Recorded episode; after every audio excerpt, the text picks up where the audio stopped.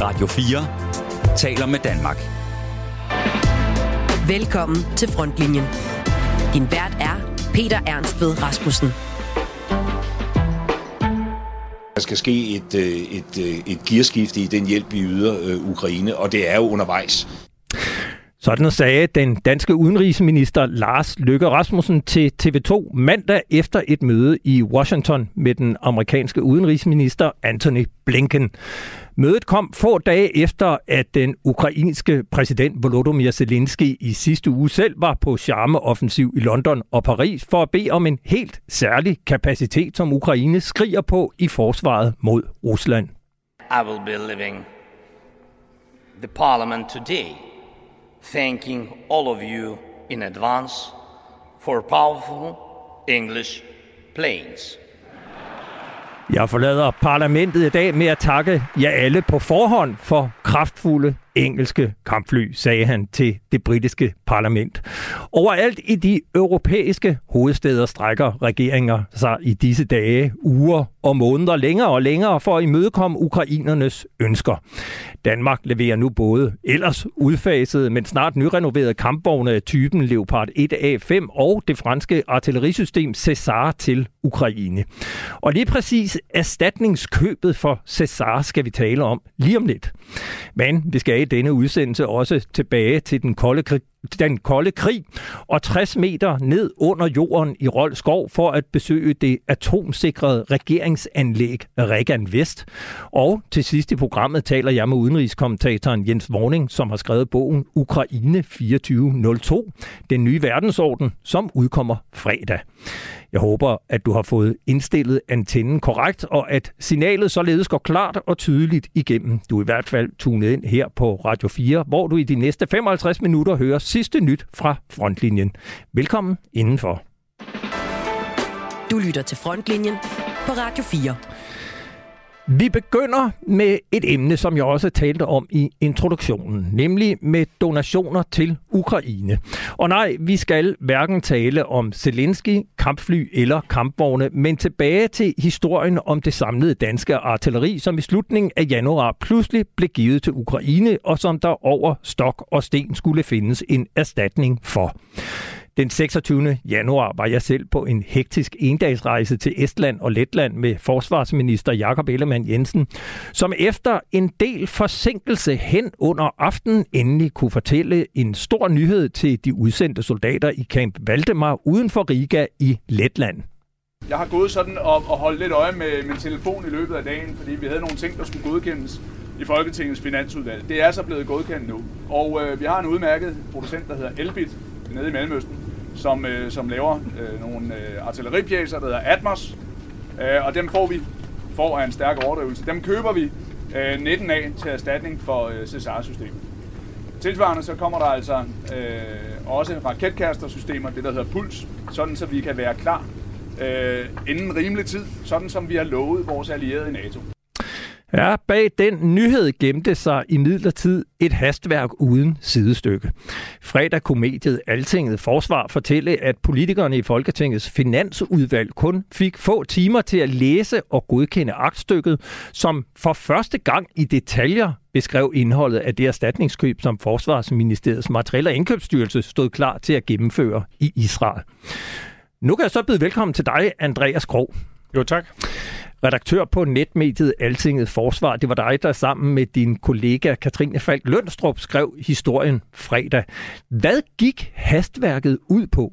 Jamen, øh, den officielle forklaring var jo, at man havde øh, et tilbud liggende, eller et eller flere tilbud liggende, øh, som udløb ved månedens udgang, altså udgangen af januar måned, og det her, det var jo den, den 26. januar, så man, man havde få dage, og, og logikken var ligesom, jamen der er så meget pres på våbenproducenter, der er så mange, der gerne vil have, have øh, udstyr i øjeblikket, så, så, så vi kunne ikke vente det her tilbud. Vi var nødt til at træffe en beslutning inden månedens udgang.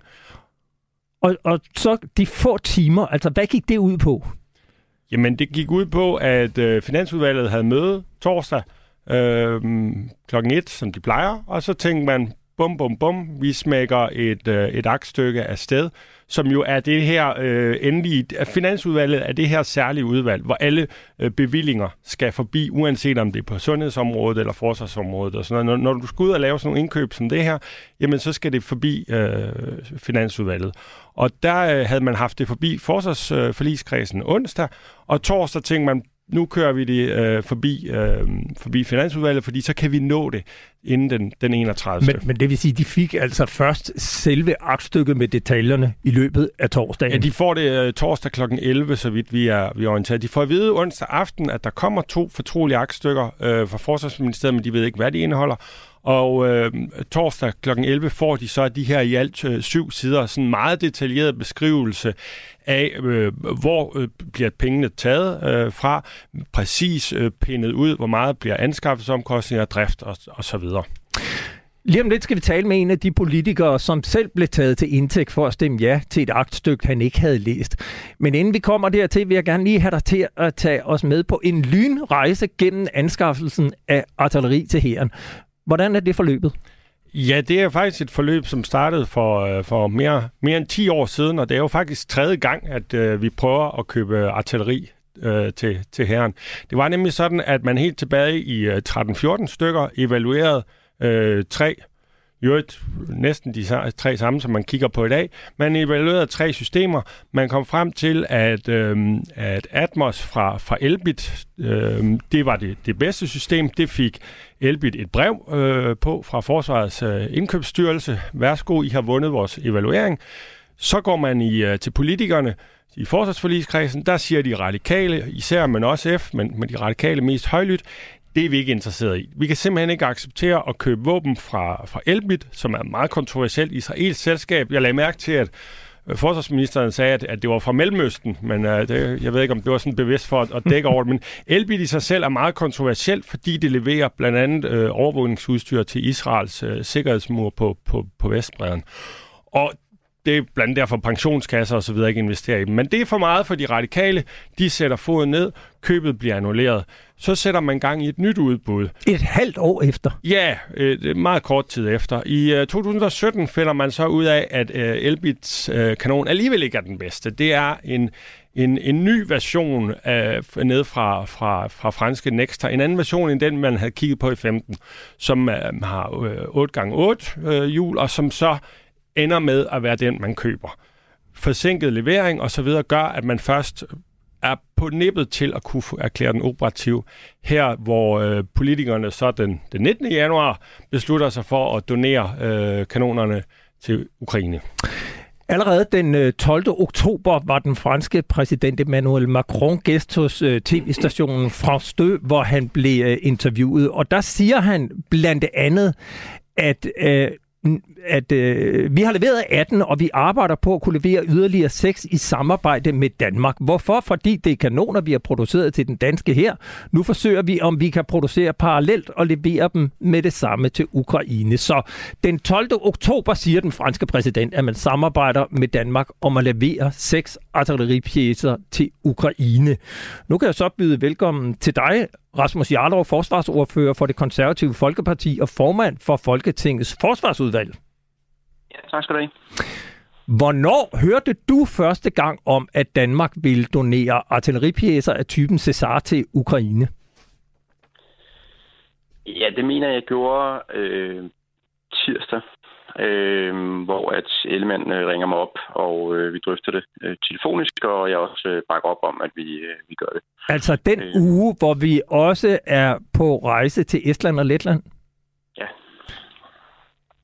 Det er jo ualmindelig kort øh, aftræk, og vi var jo sammen på den rejse, og jeg spillede i sidste uge blandt andet en reportage, hvor du i øvrigt hjalp Lise Bæk fra Danmarksdemokraterne med at spænde sin sikkerhedssel i flyet, men du er jo også de konservatives finansordfører. Hvor meget fulgte du med i, hvad der samtidig foregik i Finansudvalget, da vi var på den rejse med forsvarsministeren til Estland og Letland? Ja, det gjorde meget sporadisk, øh, fordi vi fik jo at vide, at vi skulle være lidt opmærksom på ikke at øh, have alt for meget telefonaktivitet, så det meste af tiden havde jeg sådan set min telefon slukket, øh, fordi den, den kan blive øh, hacket øh, af russerne, når man befinder sig på de egne, hvor deres sendmester øh, rækker til, øh, fik vi at vide. Og øh, desuden så vil jeg helst være til stede der, hvor jeg er. Øh, jeg er ikke så meget for at øh, bruge en hel dag på at besøge danske soldater, og så ende med at skulle sidde øh, hele tiden på min telefon og læse øh, PDF-filer. Øh, så, så det var meget sporadisk. Jeg noterede mig, at der var noget, noget aktivitet. Der kom nogle, nogle mails, og øh, fik, fik dem ikke læst. Hvad mener du så om, at du fik få timer til at sige ja eller nej øh, og du befandt dig oven i købet i Estland med ministeren, hvor du var blevet anbefalet at holde din telefon slukket? Jamen, det synes jeg ikke er i orden. Øh, altså, det er øh, endnu et eksempel på, hvordan vi arbejder øh, hovedkuls og øh, ikke behandler vores arbejde grundigt nok. Øh, og jeg synes jo, det er mangel på selvrespekt fra Folketingets side, at man siger ja til en hastebehandling af den her karakter øh, i en sag, som overhovedet ikke haster. Øh, der taler noget udstyr, som skal leveres om cirka et år. Øh, en dag fra eller til øh, betyder ikke noget. Og øh, hvis man synes, at Folketinget skal have en vis kvalitet i sit arbejde, så må man også insistere på, at man får de timer, øh, der skal til, for at man kan læse tingene igennem. Og, øh, og det gjorde Folketinget ikke her, og det undrer mig gevaldigt. Øh, det er sådan set øh, ikke så overraskende, at ministre og ministerier hele tiden kommer og beder os om at arbejde lynhurtigt for, at de kan nå mm. deres deadlines. Men jeg synes jo, at Folketinget skal have den selvrespekt, at man siger nej til det, når det er øh, åbenlyst urimeligt, og giver for dårlige vilkår til at udføre vores, øh, vores arbejde. Øhm, undskyldningen for, at det skulle ja. have var jo, var jo papirtynd i og med, at man sagde, at det havde til udgang af januar måned, det vil sige, at der var jo faktisk fem dage til at behandle det selv, hvis Præcis, man præcis. på det, som Folketinget, sådan, eller undskyld, Forsvarsministeriet sådan implicit siger, at øh, israelerne nok vil takke nej til den her kæmpe store milliardorder, hvis der gik en dag mere. Det tror jeg simpelthen ikke på. Jeg kunne godt tænke mig lige at fokusere lidt på valget af netop Atmos fra Elbit. Specifikationskravene til artillerisystemet blev skrevet helt tilbage i 2012, som Andreas Krog lige fortalte, da Danmark var engageret i en række internationale missioner mod det, som man kalder asymmetriske fjender, altså ala Taliban og IS. Til det formål var et åbent artillerisystem på lastbil alt rigeligt. Siden kom krigen i Ukraine, så NATO øgede sin tilstedeværelse mod øst gevaldigt og skærpede styrkemålene til medlemslandene. Ved forlidet i 2018 hed målet for Danmark at stille en fuld udrykningsklar brigade til rådighed for NATO i 2024 og en tung brigade i 2032. En tung brigade kører på bælter og er fuldt palsret, men det er hverken Cæsar eller Atmos. Materiel- og Indkøbsstyrelsen fortæller til Danmarks Radio, at styrelsen lagde vægt på tre faktorer i det her hasteindkøb. Systemet skulle opfylde herrens behov. Det skulle kunne leveres hurtigt og hænge sammen rent økonomisk, altså både i anskaffelsespris og i driftsomkostninger. Samtidig i Norge, Finland, Estland og Polen har man allerede investeret i de fuldt pansrede K9 Thunder havbits på bælter fra koreanske Hanwha, mens Materiel- og Indkøbsstyrelsen i Danmark altså har valgt Atmos, som blandt andet opereres af lande som Azerbaijan, Botswana, Kamerun, Rwanda, Uganda og Zambia. Jeg vil gerne have talt med en repræsentant fra Forsvarsministeriets Materiel- og Indkøbsstyrelse om, hvorfor styrelsen pegede på Atmos, men i Materiel- og Indkøbsstyrelsen ønsker man ikke at stille op til interview. Det gjorde brigadegeneral og vicechef Christian Ishøj i midlertid, da DRP1 Morgen ringede og interviewede ham om sagen lørdag den 28. januar. Her blev han spurgt, om styrelsen havde afsøgt muligheden for at købe K9 Thunder. Til det svarede Christian Ishøj, at netop K9 Thunder var med Materiel- og Indkøbsstyrelsens overvejelser?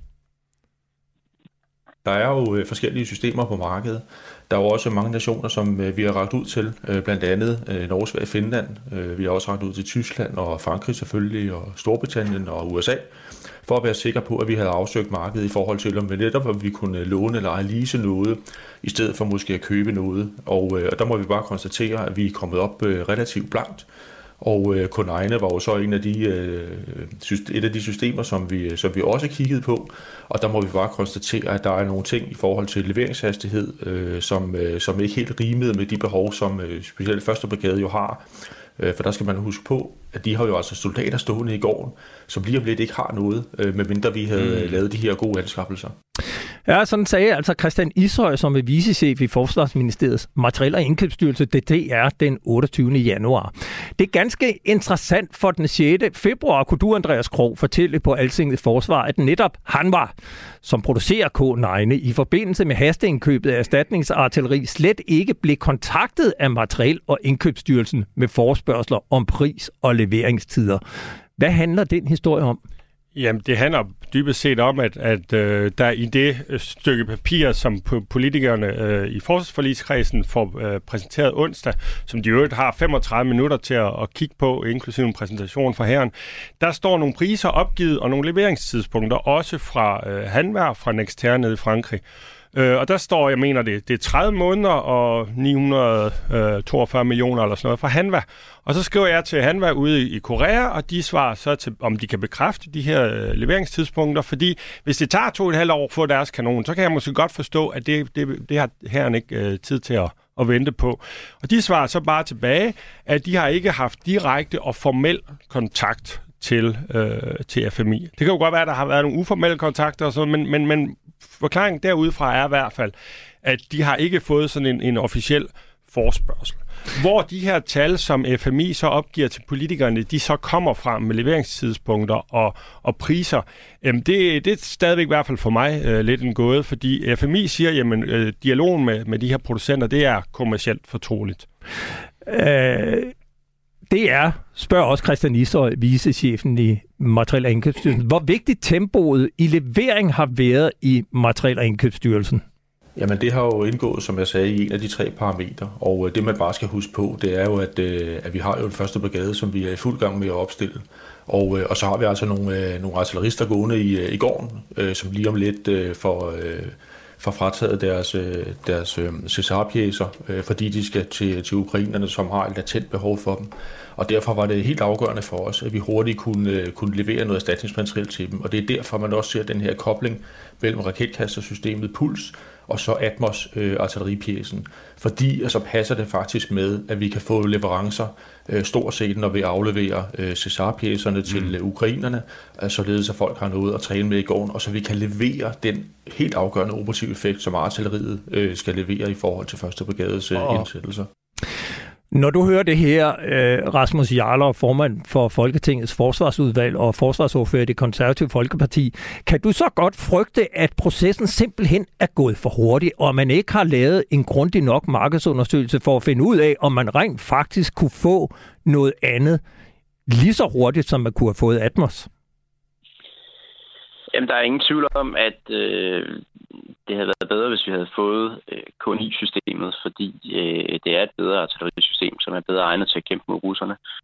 Øh, vi har bare fået at vide af forsvaret, at de har vægtet hastighed i anskaffelse øh, meget højt, og, øh, og det har vi så respekteret, øh, at det for dem har været vigtigt, at der var noget til deres mandskab, fordi de var bange for, at men når du så hører her Andreas Krog fortælle, at han har fået svar fra Hanva, der siger, at de slet ikke har fået en henvendelse med, med forspørgelser om, om pris og hastighed, gør det der ikke noget utryg ved, hvorvidt øh, hele den anskaffelsesprocedur er foregået? Øh, jo, altså det er selvfølgelig øh, kritisabelt, hvis vi har fået noget forkert at vide, at det, det tal, de bare har øh, trukket ud af den blå luft, øh, i stedet for, at det, det er et, et, et rigtigt tal. Øh, men jeg tror ikke, det har været nogen hemmelighed for ret mange af os, at øh, hastigheden her har været vægtet som det allerhøjeste, og det er det, der har gjort øh, udfaldet. Og, øh, og det har vi så sagt ja til, øh, velvidende, at øh, det kommer med den omkostning, at vi får dårligere artilleri, end, øh, end vi ellers ville få. Øh, ser du en mulighed for, at, at man øh, på længere sigt investerer i et andet system, eller hænger vi nu, om man så må sige, på Atmos de næste 30-40 år?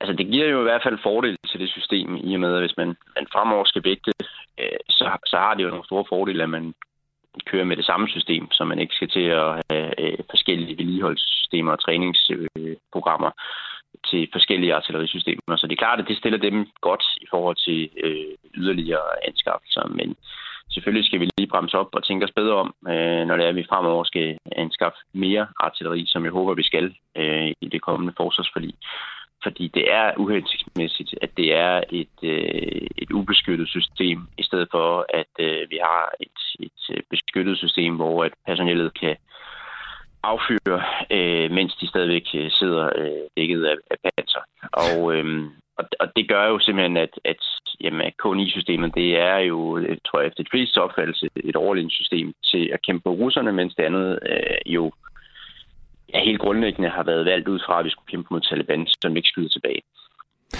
Andreas Krog, når, når du øh, kigger på hele den her sag, hvad, hvad står du tilbage med af tanker omkring, hvordan den proces den er foregået? Jeg står, øh, jeg står øh, nu er jeg jo ikke hermand, det er ikke mig, der skal sidde i, i det her køretøj ude fronten, men jeg er skatteyder, og jeg sidder også tilbage med den tanke, der hedder, vi kunne have købt øh, 19 Cesar-kanoner, man til dem, vi sender til Ukraine for omkring 660 millioner, hvis man skal tro på tallene fra FMI. Nu går vi ud og bruger 1,7 milliarder. Altså, det svarer lidt til, at jeg går ned i Netto efter to liter mælk og kommer hjem med en frityrgryde og en po- øh, nogle strømper, og jeg ved ikke hvad. Øh, simpelthen fordi det skal gå så, gå så hurtigt, så bruger man yderligere 900 millioner på det her pulssystem oven i de penge, omkring 800, der, der, der går til, til selve Atmos-systemet. Simpelthen fordi man ikke kan vente det år, det vil tage at få leveret Atmos. Så, så, så, så jeg tænker i hvert fald som skatteyder, hvorfor skulle det gå så hurtigt? Er, har man lavet en reel markedsundersøgelse, og hvorfor skal det pludselig koste så meget mere? Det sjove er i øvrigt, og, og det, det, det, det, det tror jeg måske, det er blandt derfor, altså det, det interessante er jo blandt andet også, hvis man læser ned i aktstykkerne, at 700 millioner af de her 1,7 milliarder, det er faktisk penge, som man faktisk har sendt, man ikke har, man sender videre til det næste forsvarsforlig. Så når, når, når Jarlov og Truslund Poulsen og hvem det bliver, skal sidde og forhandle øh, det næste forsvarsforlig i de, i de kommende måneder, så skal de allerede der øh, trække 700 millioner kroner fra, fordi dem har man faktisk allerede nu disponeret til det her. Det er helt sikkert en sag, vi kommer til at følge op på. Jeg vil sige tak, fordi I var med begge to. Andreas Krog, øh, redaktør på Altinget Forsvar, og Rasmus Jarlov, forsvarsordfører for det konservative Folkeparti og formand for Folketingets Forsvarsudvalg. Tak til jer begge. Ja, selv tak. Du lytter til Frontlinjen på Radio 4.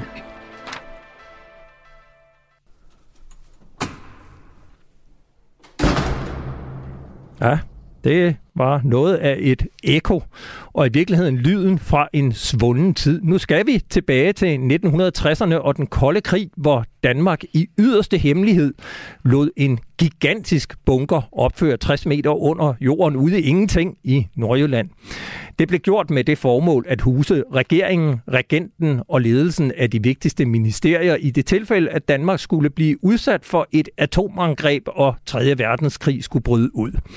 Regeringens anlæg Vest hed projektet, som med militær forkortelse blev til Regan Vest. Gennem den kolde krig og helt ind i nullerne indgik bunkeren i Danmarks beredskab, men for 12 år siden blev den endegyldigt, endegyldigt overflødig og taget ud af beredskabet. Siden har Regan Vest gennemgået en omfattende rengøring, og denne uge åbnede bunkeren for omverdenen som et led i et nyt koldkrigsmuseum. Bunkeren ligger dybt inde i Rold Skov, og lige foran bunkeren finder man en stor gul villa. Den fungerede både som bolig for en maskinmester, der arbejdede i bunkeren, og så udgjorde den med sin placering en slags skalkeskjul for bunkeren. Min kollega Niklas Erbel og Dein søgte i sidste uge dybt ind i Rold Skov for at høre historien om bunkeren og for ved selvsyn at se regeringsanlægget, inklusiv det rum, hvor Forsvarsministeriet skulle have opereret, hvis altså krigen brød ud. Han indledte besøget ved den gule maskinmesterbolig, der altså gemte på en af landets største militære hemmeligheder.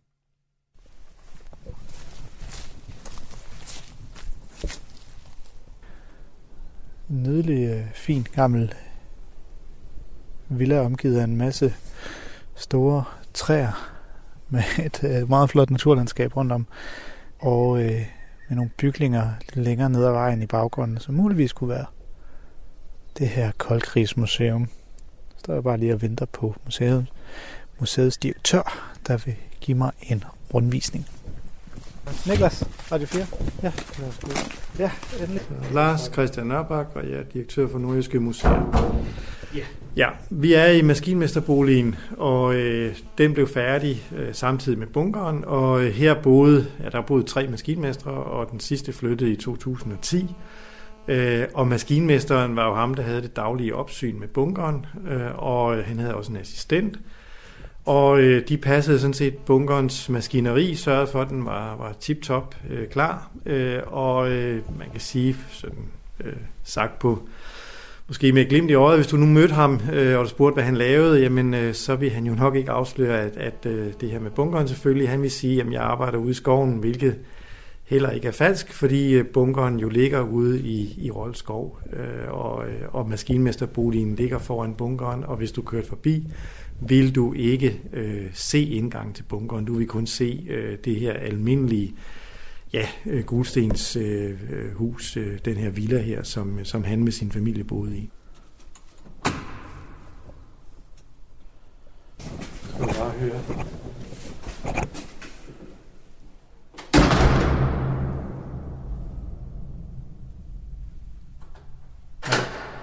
Det er det ekko, der vinder.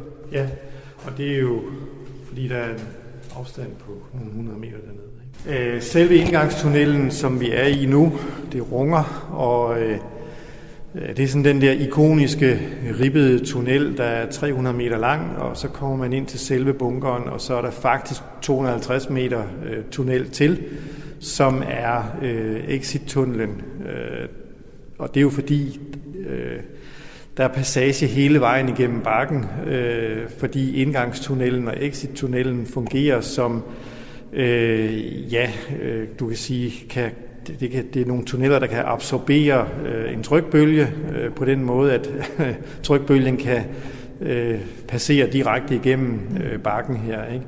Og så indgangstunnelen, der altså, den er ikonisk øh, med, med de her ribber, Øh, og øh, den, øh, jeg, jeg synes, det ligner sådan øh, ja, en eller anden øh, dinosaurhals eller sådan noget. Det, men det, der kan man jo fantasere lidt omkring det. Men, men ribberne er jo øh, også lavet for ja, selvfølgelig at stabilisere tunnelen, men også for at kunne opfange trykbølgen og for at kunne opfange ja, flyvende træstykker og andet, øh, der måtte øh, komme med sådan en trykbølge der. Mm. Det er også det, man ser på, øh, på brochurer, eller, eller ja. hvis man havde inde og tjekke på Regan Vest, hvis man har googlet, så vil være det her billede af de her lange ja. ja. korridorer. Præcis, man, det, er, det er vores ikonbillede og vores uh, signatur, kan du sige. Øh, og det, det giver godt mening. Det, altså, når folk de kommer her ind, så, så plejer de at sige wow, eller sådan noget, hold da op, og det er fantastisk. Og, så kan man sige det her med, med Reagan, øh, som der er nogen, der siger, og det, det har ikke noget med, med Ronald Reagan at gøre. Øh, det staves jo på en lidt anden måde, og det er jo en af forsvarets utallige, mærkelige forkortelser, for øh, det her det betyder så regeringsanlæg. Øh, og det er klart, det kan folk i forsvaret godt afkode, men det kan være svært for civile at gøre. Ikke?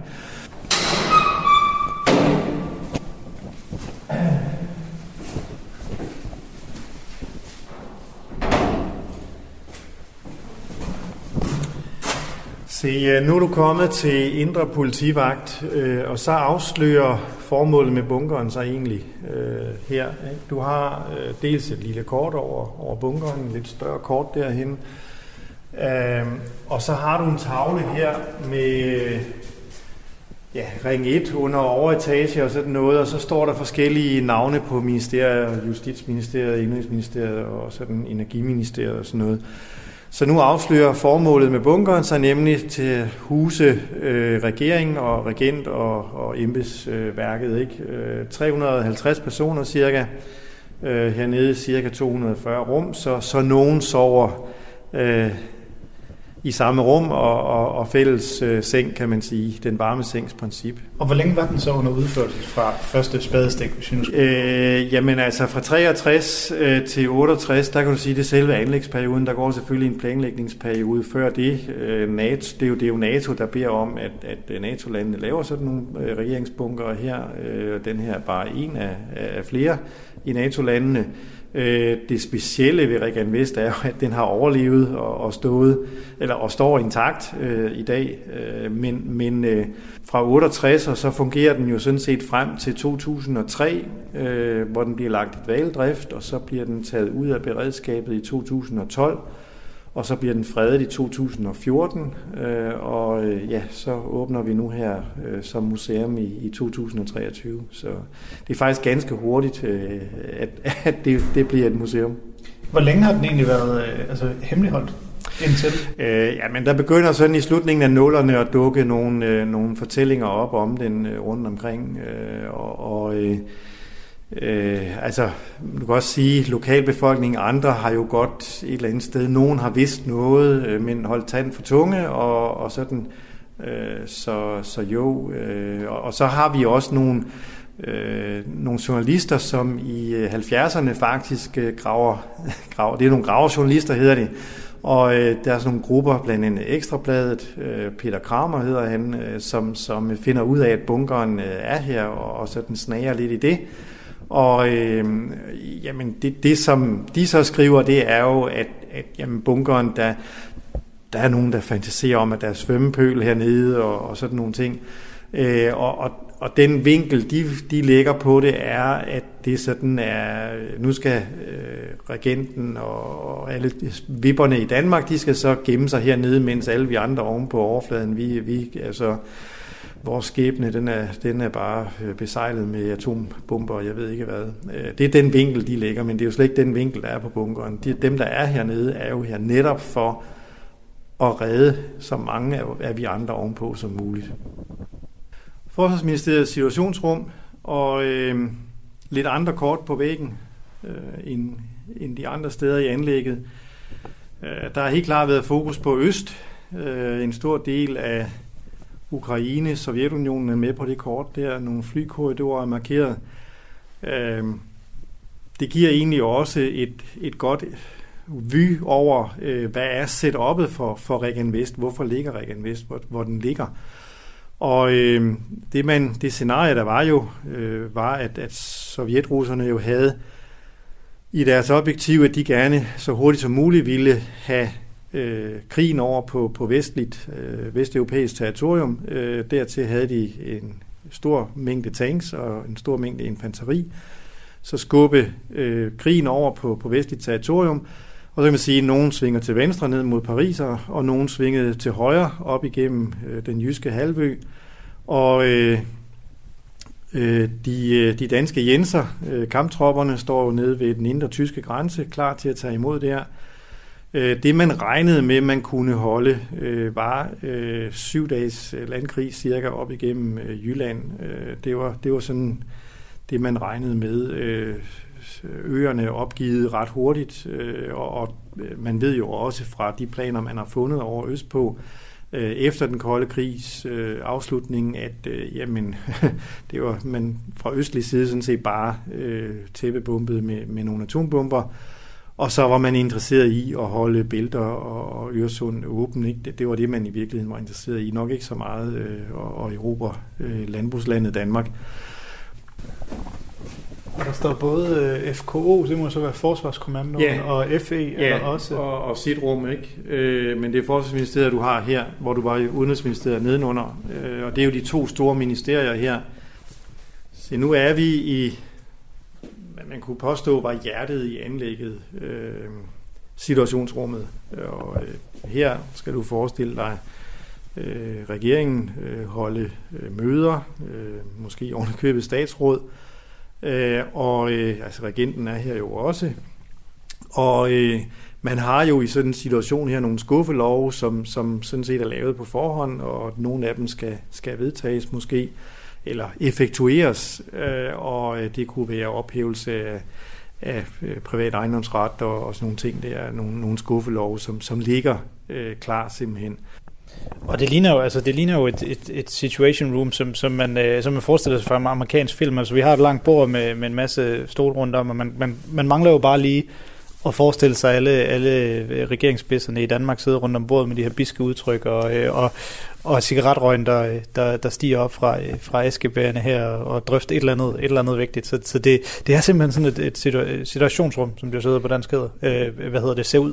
Ja, det er det. Og, og du kan også sige, her der er nogle, nogle stole langs væggen, og så er der nogle mikrofoner i loftet. Og øh, det er jo fordi, alle embedsmændene øh, er der jo ikke plads til herinde i rummet. Så, så vi underordnede embedsmænd, vi sidder ude bagved, og så kan vi høre guldkornene via mikrofonerne her, øh, og så kan vi gå ud og udføre de ordre, vi nu får besked på. Det, er, det er situationen her. Og ja, man kan også nærmest fornemme den her meget intense stemning, der, der ville have været i det her rum.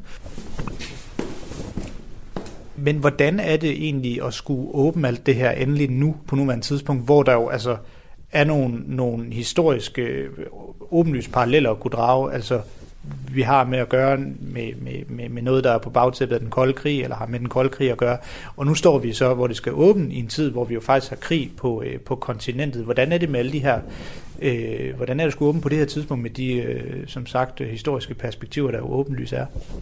Jamen, øh, hvis vi nu tager udgangspunkt i, i sådan tiden umiddelbart efter den kolde krig, 90'erne og 0'erne, der kan du sige, øh, der troede vi sådan set, at vi kunne alt. Øh, altså, de liberale demokratier, den liberale verdensorden havde vundet, og, og øh, der var sådan set ikke diskussion om noget. Verden var totalt åben, og, og hvis bare man handlede med hinanden, så skulle det nok gå. Øh, Øh, sådan sagt lidt karikeret. Men, men øh, i løbet af nullerne og tierne, så, så gik virkeligheden sådan set igen op for folk. Altså at øh, nej, altså så naiv kan man ikke tillade sig at være. Og vi er ligesom vendt tilbage til, jeg vil ikke sige den samme øh, øh problematik, men, men nogle problematikker, der i meget, meget høj grad ligner det, vi kendte under den kolde krig. Øh, altså, øh, og, og på den måde, der har vi fra, jeg startede med projektet her i 2012, ligesom kunne se en opad, opadstigende kurve, for, for større og større aktualitet i samtiden til det her projekt her. Og, og det er jo også noget af det, vi spiller på i, øh, i vores udstilling og, og vores fortælling omkring øh, Regan Vest og, og, og maskinmester og boligen og, og det hele.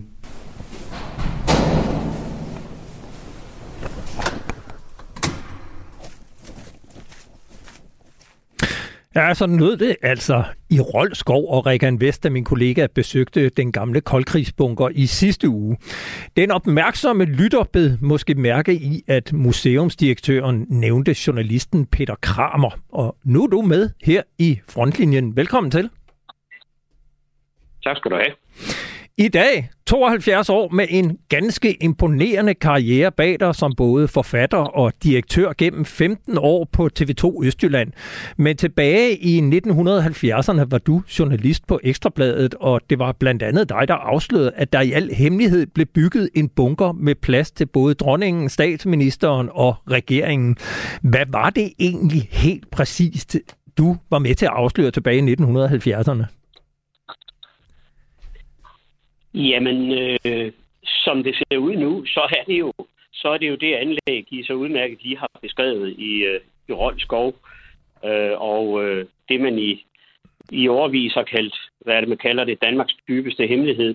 Men det bliver altså fortalt i Ekstrabladet, øh, ikke bare af mig, men øh, jeg arbejdede sammen med avisens øh, legendariske reporter og senere chefredaktør Ambro Krav på sagen og øh, afslørede regeringsanlægget i, i øh, Rolskov.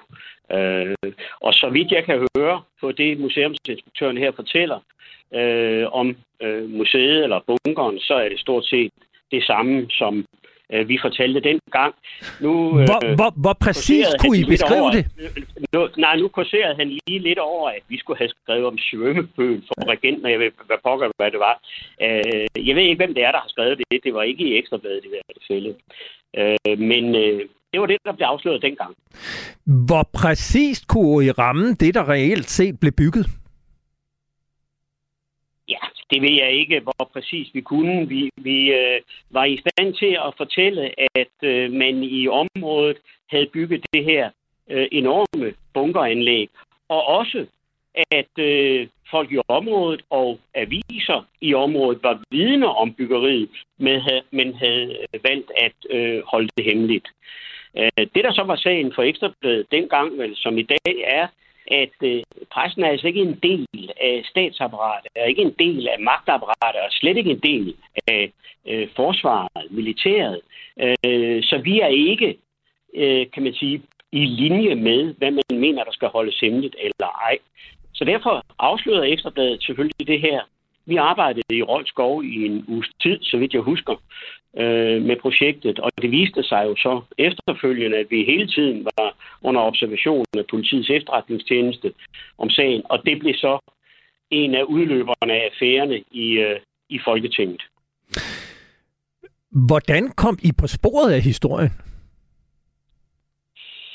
Jamen, som det også blev fortalt, så øh, gik rygterne jo i øh, området. Og vi øh, tog derop øh, og kunne konstatere, at mange var vidne om det her byggeri, der havde fundet sted nogle år før vi kom. Det her, det var jo i midten, hen over midten af 70'erne, og byggeriet var jo noget tidligere.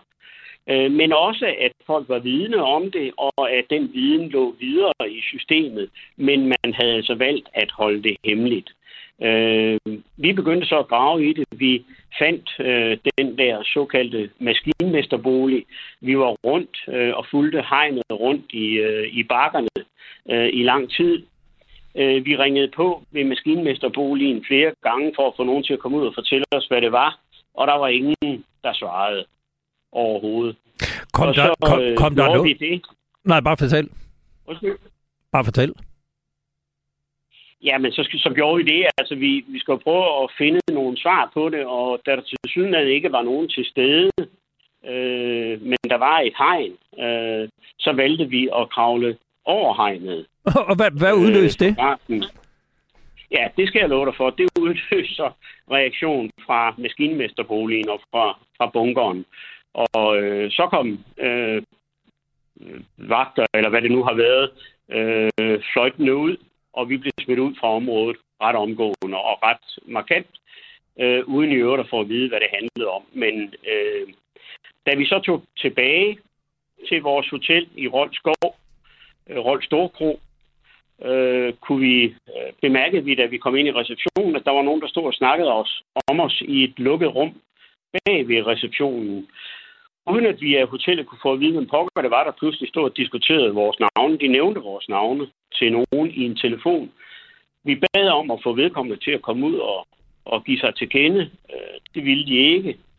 Øh, vi sagde, at vi repræsenterede på det tidspunkt Danmarks største avis, og vi kunne jo ikke have, at vi ikke kunne få at vide, hvem der øh, arbejdede med, hvor, med at identificere os. Så vi sagde, at vi placerede en mand ude for en vindue til det rum, som vi ikke kunne komme ind til, og så blev vi i øvrigt stående i receptionen, indtil de pågældende der kom ud. Og der gik så et stykke tid, og så kom der nogle folk ud, og det viste sig at være politiets efterretningstjeneste, som gav sig til kende, og oplyste, at øh, det, vi foretog os i området, ikke var i overensstemmelse med reglerne, og, øh, og derfor var de for at undersøge, hvad vi gjorde. Det viste sig så, at de havde fulgt os i en uges tid, øh, og de fortsatte så med at følge os øh, igennem øh, et, det, da vi kørte videre derfra, så fulgte de efter os. Og det skrev For- vi selvfølgelig om i efter på det For, tidspunkt. fortæl lige helt kort her til sidst. øh, Kom der noget efterspil på jeres historier i Ekstrabladet? Ja, sagen blev debatteret i Folketinget øh, adskillige gange, og justitsminister Orla Møller var ude og beklage, at den fri presse var blevet fuldt af politiets efterretningstjeneste. Vi havde bare udført vores arbejde, som vi skal som journalister. Øh, det er jo sådan, det er vores opgave at øh, grave de ting ud, som også nogen mener, det er ubehageligt at få gravet ud. Og en af tingene er altså, at jo mere du forbereder dig og kommer til at tro på, at du kan overleve en atomkrig, jo større er risikoen for, at vi nærmer os en atomkrig. Helt kort her til sidst. Øh, hvad tænker du om, at øh, hele historien bag bunkeren nu bliver rullet ud med et helt museum, og at øh, alle bliver budt velkommen, når man for 50 år siden gjorde alt, hvad man kunne for, at ingen skulle røbe den hemmelighed? Jamen, det synes jeg er super godt. Det er fornemt, et fornemt projekt, og jeg synes, det er vigtigt, at alle kommer ind og kan se, hvad der foregår, og hvordan det er tænkt, og, og hvad apparatet har tænkt øh, om øh, overlevelsesmulighederne i tilfælde af atomkrig. Det åbner for nogle diskussioner, som er relevante, og som, til, som er relevante i 70'erne, og som i den grad er relevante nu. Jeg vil sige tak til dig, Peter Kramer, journalist i 1970'erne ansat på Ekstrabladet med til at afsløre Regan Vest for den danske befolkning. Tak fordi du var med. Velbekomme. Tak. Og så kan jeg afslutningsvis fortælle, at Regan Vest som sagt åbnede for offentligheden i denne uge. Man kan dog ikke bare droppe forbi og kigge ind, men man skal i stedet bestille billet i forvejen, og det kan man blandt andet gøre på museets hjemmeside. Og så kan man i øvrigt selv opleve selv sammen med Peter Kramer fortælle historien bag sine afsløringer på Regan Vest. Det sker den 21. marts i Koldkrigsmuseet, som ligger på Røde Mellem Røde Møllevej 26 i Skørping i Nordjylland, altså dybt inde i Rolskov. Og sådan sluttede ringene jo egentlig meget fint. Du lytter til Frontlinjen på Radio 4. På fredag er det et år siden, at Øh, på næste fredag er det et år siden, at Rusland invaderede Ukraine. Og det har givet anledning til en del refleksion over, hvad der er sket. Ikke bare i løbet af det seneste år, men også optakten, der førte til den værste krig på europæisk jord siden 2. verdenskrig. Nu på fredag, den 17. februar, udkommer bogen Ukraine 2402, den nye verdensorden. Den udkommer på forlaget Klim, og den er skrevet af dig, Jens Vogning. Velkommen til. Tak skal du have. Faste lyttere af programmet vil kende dig som en hyppig gæst. Du er partner i rådgivningsvirksomheden Policy Group, udenrigskommentator på Kristi Dagblad og har en fortid som dansk generalkonsul i St. Petersborg. Jeg har af gode grunde ikke nået at øh, læse din bog helt, men jeg har nået at læse dele af den, og jeg må sige, at den er ganske interessant og sætter tingene i et væsentligt og op, øh, ja, ganske interessant perspektiv med din analyse af, hvorfor det er gået så galt. Og, og det er i virkeligheden der, jeg gerne vil begynde. For skal man lede efter et fikspunkt for, hvornår tingene begynder at køre, kan man sige, helt af sporet, så skal vi tilbage til NATO-topmødet i rumænske Bukarest i 2008. Kan du ikke hjælpe os med at sætte scenen og forklare, hvad var det, der skete på NATO-topmødet i Bukarest dengang? Den korte version er, at øh, den daværende amerikanske præsident, George Bush, den yngre, var meget forhippet på at få Ukraine og Georgien med i, øh, i NATO. Øh, og øh, Frankrig og Tyskland havde den position, som er typisk for dem, at de synes det var en dårlig idé. Og så havde det kloge måske været at sige, så har vi det ikke på, det på dagsordenen. Men det fik man. Og der står, jeg mener det er i, i punkt nummer 30, der står ikke, at de får et løfte om, vi kan begynde samtaler. Der står, at de kommer med i NATO. Der bliver bare ikke sat nogen dato. Og der begynder vi at skabe et, et problem, eller at gøre et problem, der allerede var der, meget, meget større. Fordi NATO var jo en, en kollektiv sikkerhedsalliance, det vil sige, at vi står inden for hinandens sikkerhed. Hvad gør man, når man siger til nogle lande, nu er I med, men vi ved ikke, hvornår? Hvem tager ansvar for de landes sikkerhed i den periode? Det er der, hvor at vi fra den vestlige alliance traf en, en, en meget forkert øh, beslutning. Det er ikke det samme som, at det er os, der er gået ind i Ukraine. Det er Putin, det er ham, der er skurken. Der er slet ikke nogen tvivl. Øh, men det var en uklog øh, beslutning, og det var fordi, der var ting, vi ikke så. Øh, det interessante var jo også, at øh, Vladimir Putin selv var med på det NATO-topmøde, og ganske kort tid efter taler du med din egen ambassadør, Per Clausen, øh, øh, og Carlsen, undskyld, og øh, han fortæller om en episode. Kan du ikke prøve at gøre os klogere på den? Jo, det er, og den er faktisk ikke med i bogen, så det er meget eksklusivt for, for frontlinjen her. Øh, per han har en, øh, en topdiplomat, øh, Øh, fra, fra Rusland øh, på ambassaden til en frokost. Per han var rigtig god til at, at lave diplomati via, via frokost, og han findes desværre ikke, ikke mere. Han afgik døden for et par år siden. Øh, og den her topdiplomat spørger til, hvad skal Per lave i sommerferien? Jamen, jeg bliver i Moskva i juli, og så tager jeg hjem til Danmark i august og holder ferie, for der holder I jo også ferie. Så siger den her topdiplomat, der i dag er viceudenrigsminister i, i Rusland, og det her med en af dem, der i tale sætter, hvad alt det her det handler om, så siger han til Per, det skal du ikke, for der bliver der krig. Og det vil Per selvfølgelig gerne vide, og diplomaten siger øh, helt nøgternt, at han har set en udsendelsesordre på nogle faldskærmstropper fra Pskov-regionen, der ligger lige bag de baltiske lande, som skal udstationeres i øh, Nordossetien, som er russisk region, der ligger lige oven nord for den, den georgiske region Sydossetien. Øh, og i de her udsendelsespapirer, der er der ikke nogen hjemsendelsesdato.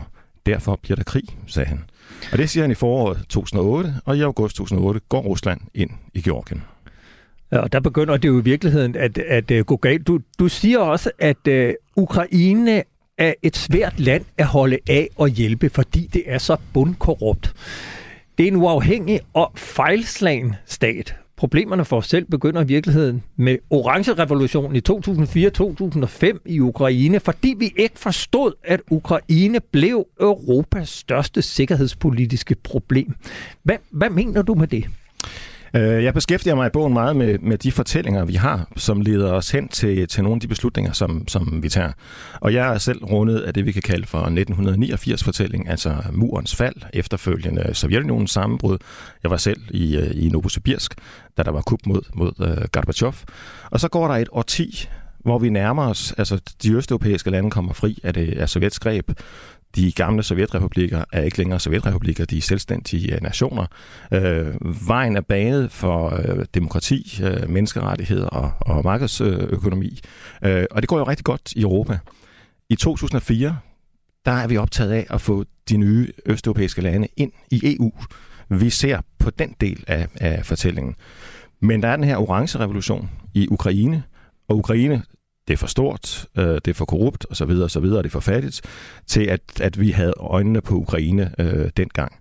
Men den her revolution, hvor man får afsat en præsident, som øh, er blevet valgt ved valgfusk og får en anden ind ind, det gør, at der kommer en konkurrence mellem Rusland og e-, Europa om Ukraine. Sådan ser man det i Moskva. Vi kigger slet ikke den, den vej. Men det der, altså, når man er i en stormagtskonkurrence, så definerer man ikke selv, hvad for en konkurrence og for nogle kampe, man er, man er med i. Det er modparten, der definerer det. Øh, og siden 2004, så har Rusland været bange for, punkt 1, Ukraine skal gå mod Vesten, men endnu mere det her med, at en folkelig opstand øh, kan vælte en præsident. Altså, der er ikke noget, man er mere bange for i, i, i Kreml. Så fra 2004, der ser Kreml det her som det store sikkerhedspolitiske problem, øh, øh, man har. Og der, der går en lige linje derfra, og så frem til invasionen 2402 øh, sidste år. Du skriver, at øh, vi i Vesten bevæger os i overskrifter og slet ikke har forstået, at vi ikke længere er verdens centrum. Det handler om både klimahysteri og vores egen opfattelse af Europa. Og, og lad os lige tage klimakrisen helt øh, kort. Hvordan ser du den påvirket af krigen i Ukraine?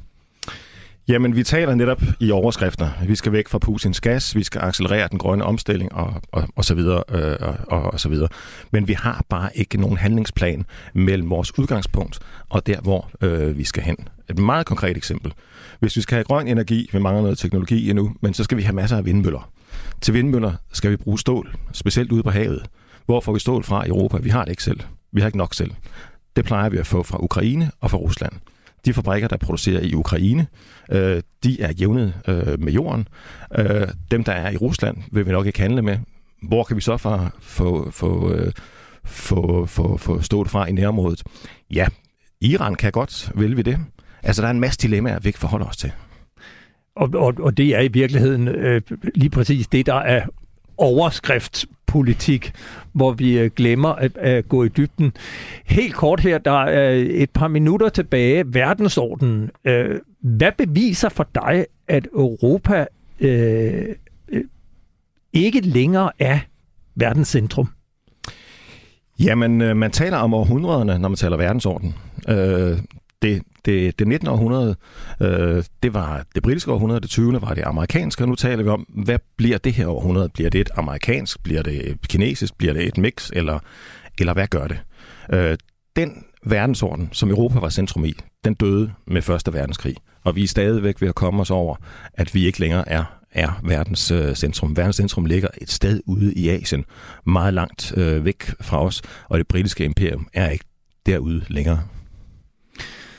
Og hvis vi så lige bruger øh, det sidste minut på at øh, kigge lidt fremad her, hvad, hvad er det du, øh, har du nogle vurderinger med af, af fremtiden, og hvad vej det her, det blæser? Jeg tror, at den centrale debat, vi kommer til at få for vores egen velfærds skyld og for virksomhedens skyld, det er, om vi er i gang med en øh, deglobalisering eller en reglobalisering. Globaliseringen toppede i 2013, men siden 2014, så er den accelereret, og det er den ikke gjort via markedsmekanismer, men via geopolitik. Og annekteringen af Krim var det første. Nu er Rusland koblet af med vores voldsomme sanktioner. Hvad sker der, hvis Kina gør noget i forhold til Taiwan? Vi skal forholde os operationelt til geopolitik, øh, for det er det, der kommer til at definere både det globale handelssystem og den nye verdensorden. Og det er helt sikkert noget, vi kommer til at tale meget mere om. Jeg kommer helt sikkert også til at hive dig ind igen med, med interessante, meget interessante analyser, både af ikke mindst krigen i Ukraine og Rusland, men i særdeleshed også, hvad der sker på den store globale øh, dagsorden. Vi når ikke mere i den her udgave af Frontlinjen, så det er tid til at rulle sløringsnettet ud igen. Vi vender til gengæld tilbage om en uge med mere nyt, og jeg kan godt garantere, at det ikke er svært at finde emner om, hvad vi skal tage op. Det er mere det med at øh, frasortere, hvad der ikke bliver plads til. Denne udsendelse blev tilrettelagt og produceret i samarbejde med journalist Niklas Erbel og Dein, og i regien sad Amanda Rostrup. Husk, at du kan skrive til os her på frontlinjen med ris, ros eller gode idéer til emner, som vi bør tage op på frontlinjen radio4.dk. Du kan også følge os i din podcast player, og så lander frontlinjen direkte på din telefon hver onsdag. Tilbage er der bare at sige tak for i dag, og på gensyn.